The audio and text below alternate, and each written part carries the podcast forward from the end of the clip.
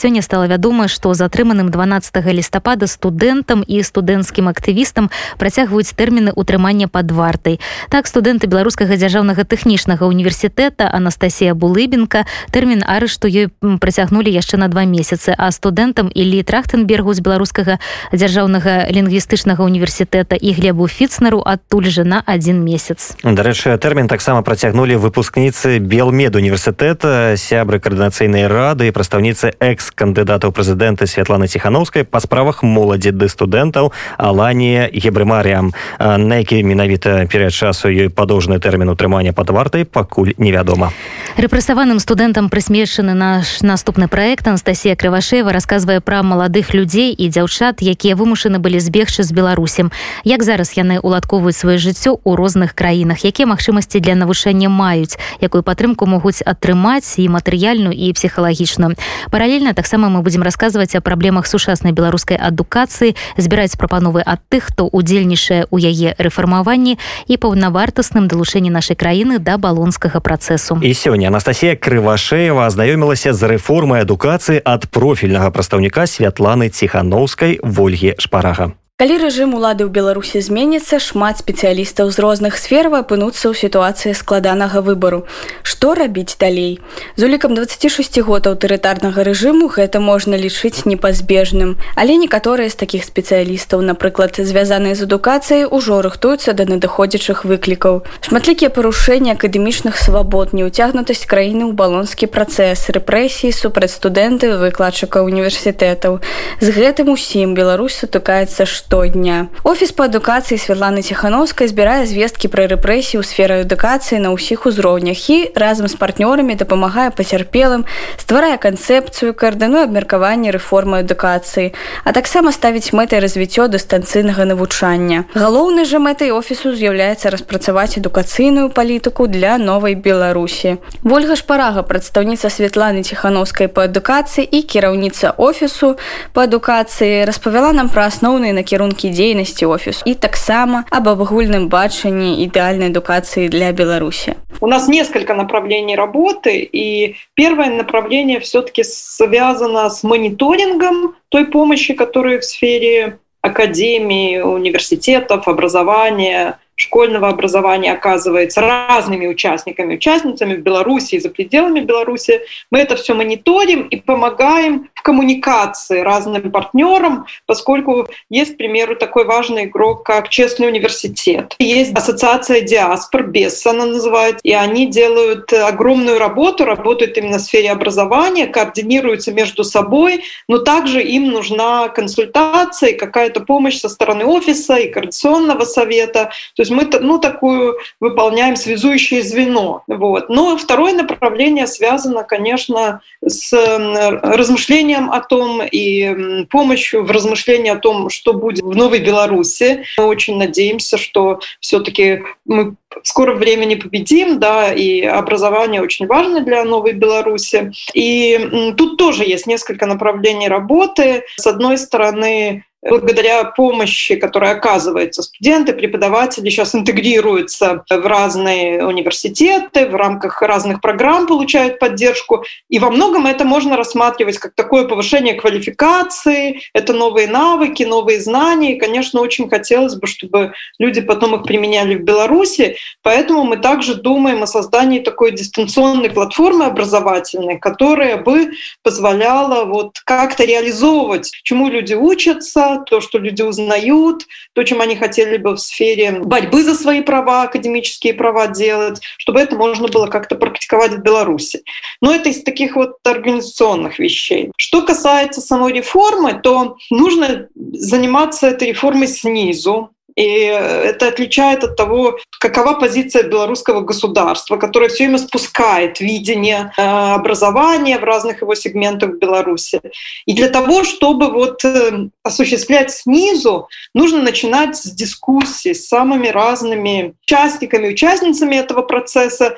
И нужно понимать, что их очень много. Да? Это не только учителя, преподаватели, воспитатели, дети, студенты, но это и родители, и работодатели работодатели.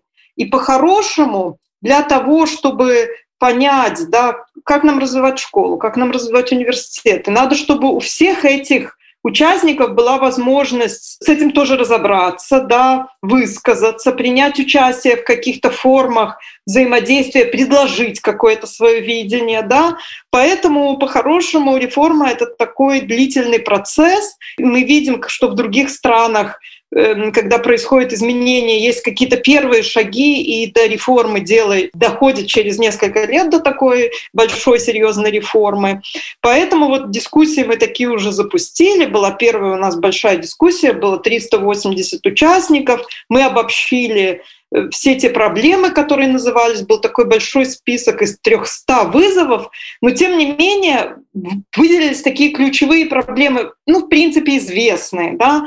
Э, первая проблема — это заидеологизированность системы образования, причем во всех сегментах, даже в детском саду. Нам говорили участники нашей дискуссии, э, поскольку детям навязывают и не только представления определенные, но и способы поведения. Вот это послушание, которое не позволяет затем быть активным гражданам, вот оно уже начинается с детского сада, и если с этим не бороться, идеологизацией, да, то мы не изменим да, эту систему. Соответственно, это должно быть направлением таким. Второе направление связано со второй большой проблемой — это забюрократизированность которая тоже есть на всех уровнях, начиная с детского сада. Учителя, преподаватели пишут огромное количество отчетов, которые не играют практически никакой роли, потому что государство спускает сверху э, то, что должны делать учителя, и они по существу, учителя, преподаватели подтверждают, что они это делают, но, в общем, кроме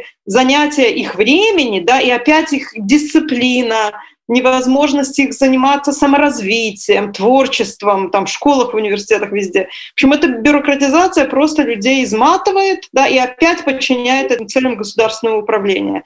Ну и третья большая проблема, и, соответственно, такое направление реформ связано с самоуправлением. Тоже на всех уровнях, поскольку самоуправление касается и принятия управленческих решений, но также касается и педагогического и преподавательского творчества. В Беларуси спускаются программы, э, способы преподавания или обучения сверху государством. Это тоже сковывает учителей, преподавателей, воспитателей в детском саду.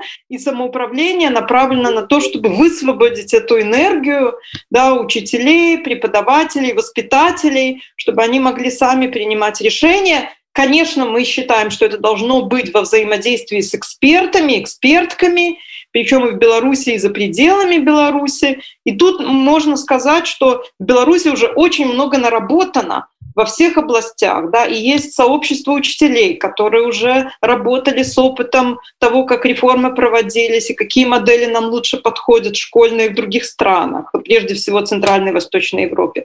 В области университетского образования много. Вот есть независимый Болонский комитет, один из важных игроков, который уже целый ряд публикаций подготовил о том, как мы реально, вот, а неформально можем дальше трансформировать систему высшего образования по Болонской модели. Еще такая важная вещь, которую мы будем обсуждать, прежде чем говорить о реформах в отдельных сферах, в целом должна быть новая миссия реформы образования, да, которая бы объединила и дошкольное образование, и школьное, университетское, неформальное. Когда реформы проводились в других странах, везде происходило переосмысление миссии. Потому что если мы сейчас посмотрим на миссию образования в Беларуси, то принципе, да, что бы они там ни писали, но речь идет об обслуживании государственной идеологии, когда увольняют там учителей, преподавателей, все время говорится это, вы плохо обслуживали идеологию, поэтому вам не место в этой системе, и поэтому вот определить эту миссию, это будет образование для людей, там, для человека, да, гуманистическое образование,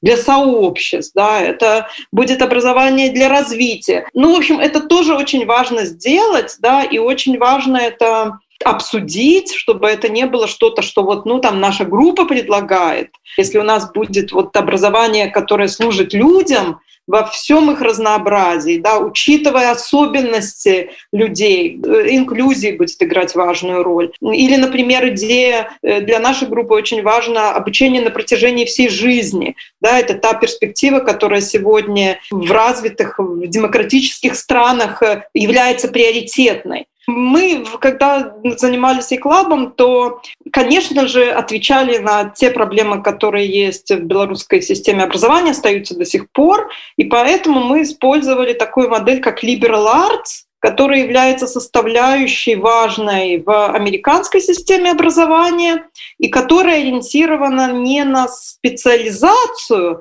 а на развитие как раз такого широкого гуманитарного бэкграунда, поскольку в рамках liberal arts очень важен, например, важны театральные практики, которые нам позволяют занять точку зрения другого человека, попытаться побыть в роли, да, если я женщина, побыть в роли в мужчины, или я со средним достатком, побыть человеком совсем небольшим достатком, или наоборот. Ну и liberal arts предполагает знакомство с литературными текстами, с музыкальными текстами, такой вот гуманитарный бэкграунд, плюс гражданские навыки для liberal arts тоже важны. И в белорусском образовании этого не хватало, да, не хватало. И еще и обсуждение, то, что мы еще в ЕКЛА практиковали, наверное, важное для всей системы. Это такая горизонтальная коммуникация, где преподаватели, ну, у них роли прежде всего, наверное, менторов, да, таких эм, посредников в диалоге, где на занятиях 80% э, времени, если не 100, э, сами студенты и студентки дискутируют, делятся знаниями, затем они поддерживают эти сообщества всю жизнь оставшуюся, и так у нас и было в Еклабе. Мне хотелось бы, чтобы это было важнейшим компонентом в образовании, поскольку это залог демократических процессов в целом. Аліна актывістка трэцяга курсу журфаку БДУ актывістка імігрантка якой яна бачыць ідэальную адукацыю Я пераехала ў Кію яшчэ 17 лістапада. Гэта было якраз пасля таго, калі прыйшлі за студэнтамі з КДБ і так апынулася, што адвакаты ну, паведамілі, што пра мяне запытвалі на допытах у затрыманых дзяўчат і таму вырашыла, што напэўна лепей не чакаць, пакуль таксама апынуўся ў сеза як яны.